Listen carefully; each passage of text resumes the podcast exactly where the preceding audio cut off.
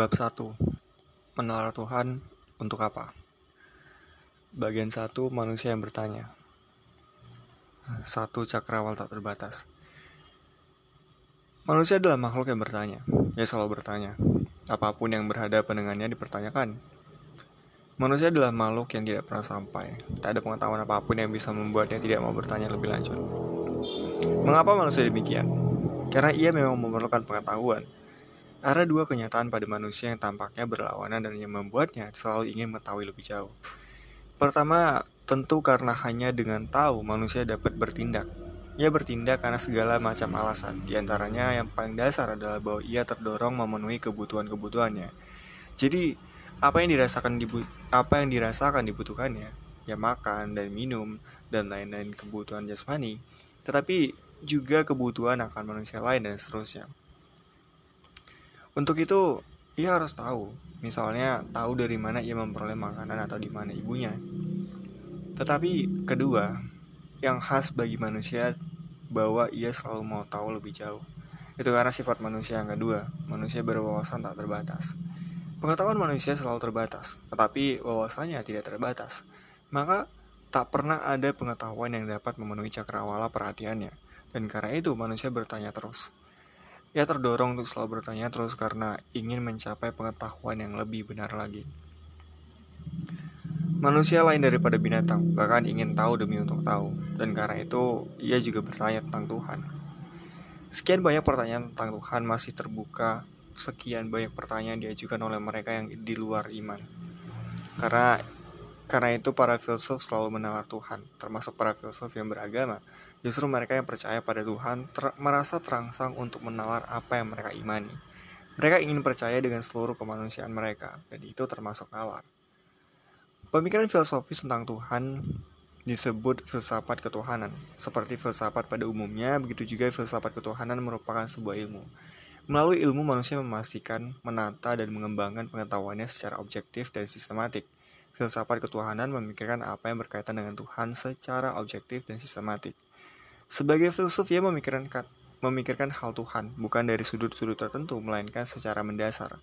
Apakah nalar manusia dapat mengetahui sesuai, sesuatu tentang Tuhan? Dan kalau dapat, apa yang dapat diketahui tentangnya, tentang eksistensinya, tentang sifat-sifatnya, tentang hubungannya dengan manusia dan dunia? Filsafat ketuhanan adalah pemikiran objektif, sistematik, dan mendasar tentang Tuhan.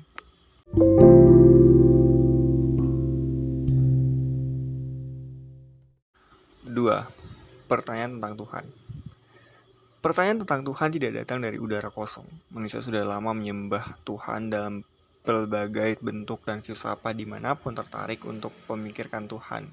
Itu dari berbagai sudut. Tapi sekarang di abad ke-21, hal Tuhan lebih mendesak. Karena dalam 300 tahun terakhir terjadi suatu perkembangan yang baru dalam sejarah umat manusia. Kepercayaan akan Tuhan bukan lagi barang tentu. Dengan menyingsingnya Fajar Budi, masa pencerahan di abad ke-17 dan ke-18.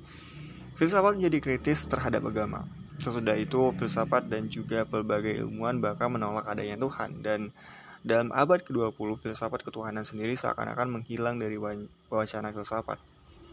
Filsafat abad ke-20 memikirkan manusia dan pengetahuannya, bahasa manusia, masyarakat, dan hal budaya, tapi tidak banyak memikirkan Tuhan. Atas kurang-kurangnya, Tuhan tidak lagi menjadi objek utama diskursus filsafat. Apa sebabnya? Kenyataan, kenyataan itu kiranya akibat dua perkembangan yang tentu berkaitan secara dialektis. Di satu pihak, filsafat tidak meminati hal Tuhan lagi sesudah melalui tahap ateisme. Banyak filsuf secara diam-diam sepakat bahwa filsafat tidak dapat bicara tentang Tuhan. Kita akan membicarakan pandangan ini. Di situ sangat terasa pengaruh ini Immanuel Kant. Menurut Kant, Tuhan tidak menjadi objek pengetahuan manusia, jadi nalar tidak dapat mengetahui apa pun tentangnya. Meskipun Kant menyatakan bahwa fakta kesadaran moral merupakan petunjuk akan adanya Tuhan. Lagi pula, ateisme bukan ateisme pun sudah out of date. Kalau filsafat menyangkal bahwa kita dapat mengetahui sesuatu tentang Tuhan, apalagi disangkal bahwa kita bisa tahu bahwa tidak ada Tuhan. Jadi ateisme dengan sendirinya tidak dapat dibuktikan.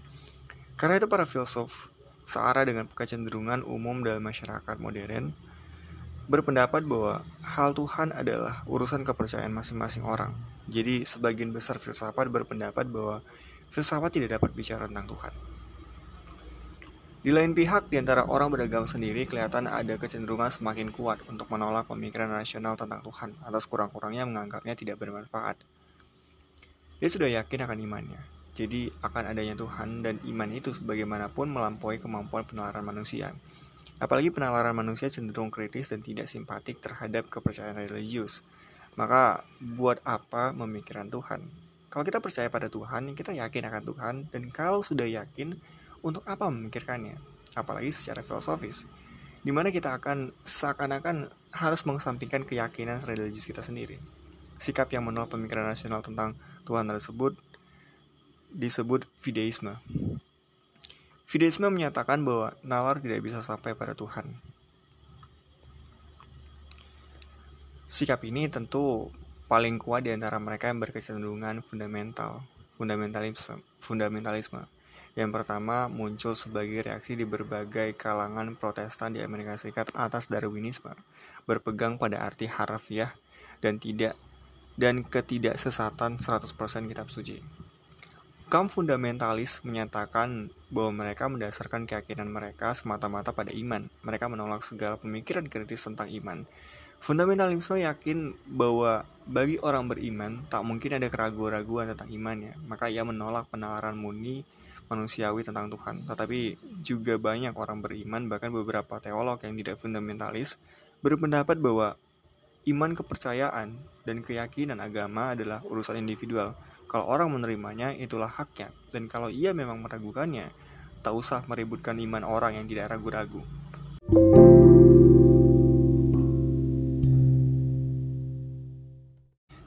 3. Menolak penolakan penalaran.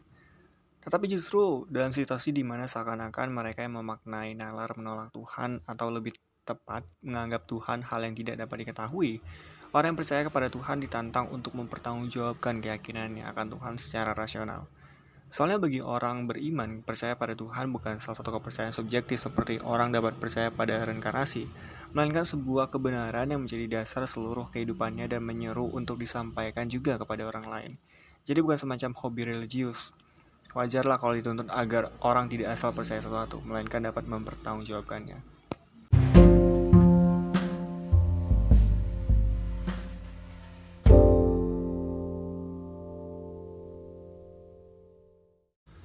Bagian 2. Mempertanggungjawabkan iman secara rasional.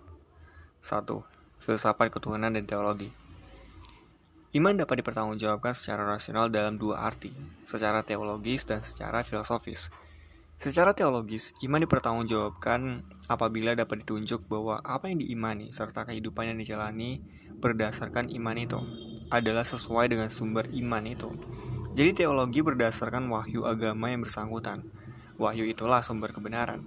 Karena setiap agama mempunyai wahyu atau dasarnya sendiri. Setiap agama mempunyai teologinya sendiri juga. Pertanggungjawaban iman secara teologis terjadi dalam rangka refleksi dan diskursus iman di dalam umat agama yang bersangkutan. Orang dari luar tidak dapat masuk karena tidak mengakui wahyu agama itu sebagai sumber kebenaran. Pertanggungjawaban filosofis iman adalah berbeda. Di situ yang mau ditunjukkan rasionalitas iman itu. Dan ini dilakukan dengan memaknai, memakai nalar. Nalar dapat memeriksa suatu keyakinan atau ajaran agama dari beberapa sudut. Misalnya dari sudut konsistensi logis. Apakah ada pertentangan di antara ajaran-ajaran agama itu? Lalu dari sudut pengetahuan tentang dunia dan masyarakat. Misalnya, apakah ajaran tentang penciptaan dunia dapat dipertanggungjawabkan dari sudut pengetahuan ilmu-ilmu alam tentang alam raya, perkembangan hayat di bumi, dan sebagainya. Dapat juga dari sudut pengalaman batin, filsafat ketuhanan sebagai filsafat tidak berdasarkan diri pada ajaran atau wahyu agama tertentu, melainkan bertanya apa yang secara nalar dapat dikatakan tentang iman itu. Filsafat tentu saja tidak membicarakan seluruh iman kepercayaan suatu agama, melainkan hanya intinya, keyakinan iman bahwa ada Allah, Soalnya kebanyakan unsur dalam kepercayaan dan kehidupan suatu agama berdasarkan ajaran dasar atau sumber agama itu serta perkembangan dalam sejarah umat yang bersangkutan. Filsafat ketuhanan membatasi diri pada pertanyaan paling dasar, yaitu bagaimana kepercayaan bahwa ada Tuhan dapat dipertanggungjawabkan secara rasional.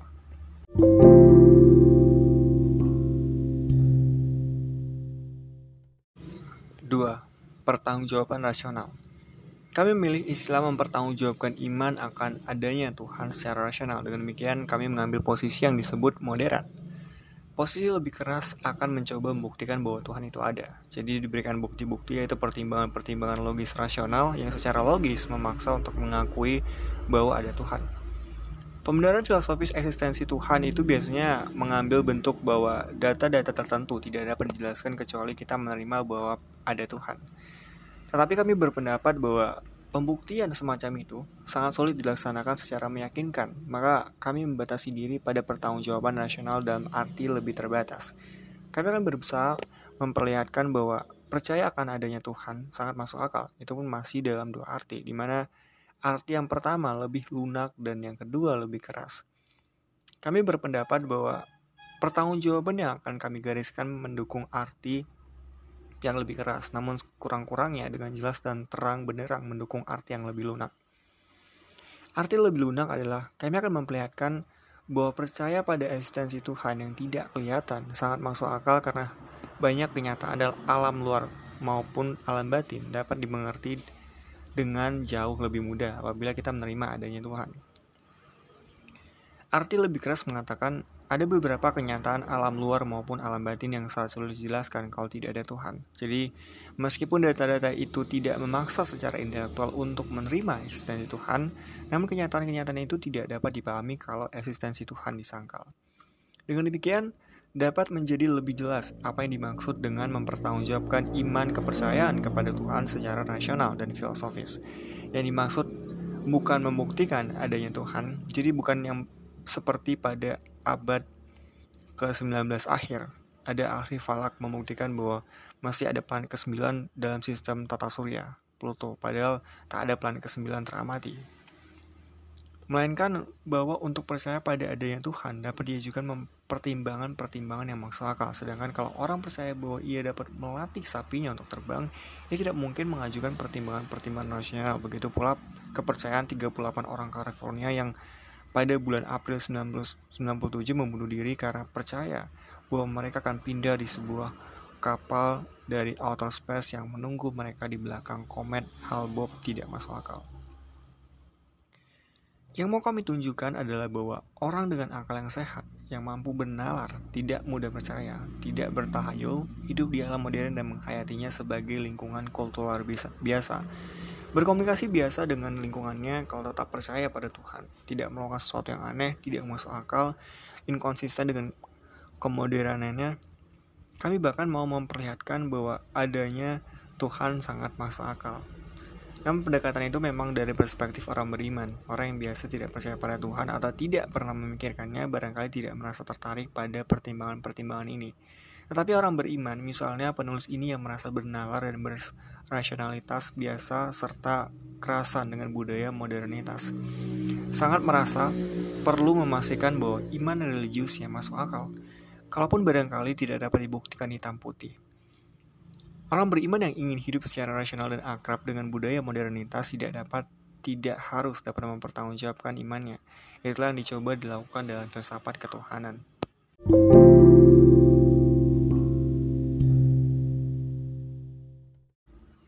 3. Pokok dan urutan uraian Dalam uraian berikut ini, kami akan mulai dengan melihat cara-cara manusia secara tradisional membayangkan dan memikirkan Tuhan, bab 2. Kami mulai dengan agama-agama aseli, kemudian melihat dengan ringkas penghayatan ketuhanan dalam agama-agama besar di Asia. India dengan agama-agama Hinduismenya dan Buddhismenya dengan catatan penghayatan ketuhanan kejawen, agama-agama Tionghoa dan dualisme. Kemudian kami membicarakan agama-agama Abrahamis dan bab ketiga kami akan membicarakan dampak munculnya budaya modernitas atas paham ketuhanan. Bab 4 secara khusus membicarakan ateisme filosofis dengan berfokus pada Froberg, Marx, Nietzsche, Freud, dan Sartre Bab 5 membahas agnostisme, artinya anggapan yang luas dianut oleh filsafat abad ke-20 bahwa kita tidak dapat mengetahui sesuatu tentang Tuhan secara nalar. Secara khusus saya membicarakan apa yang dikatakan oleh Immanuel Kant tentang kemungkinan pengetahuan tentang Tuhan, kemudian logical positivism dan rationalism kritis abad ke-20. Pemikiran mereka selalu akan ditanggap, dianggap, ditanggapi dengan kritis.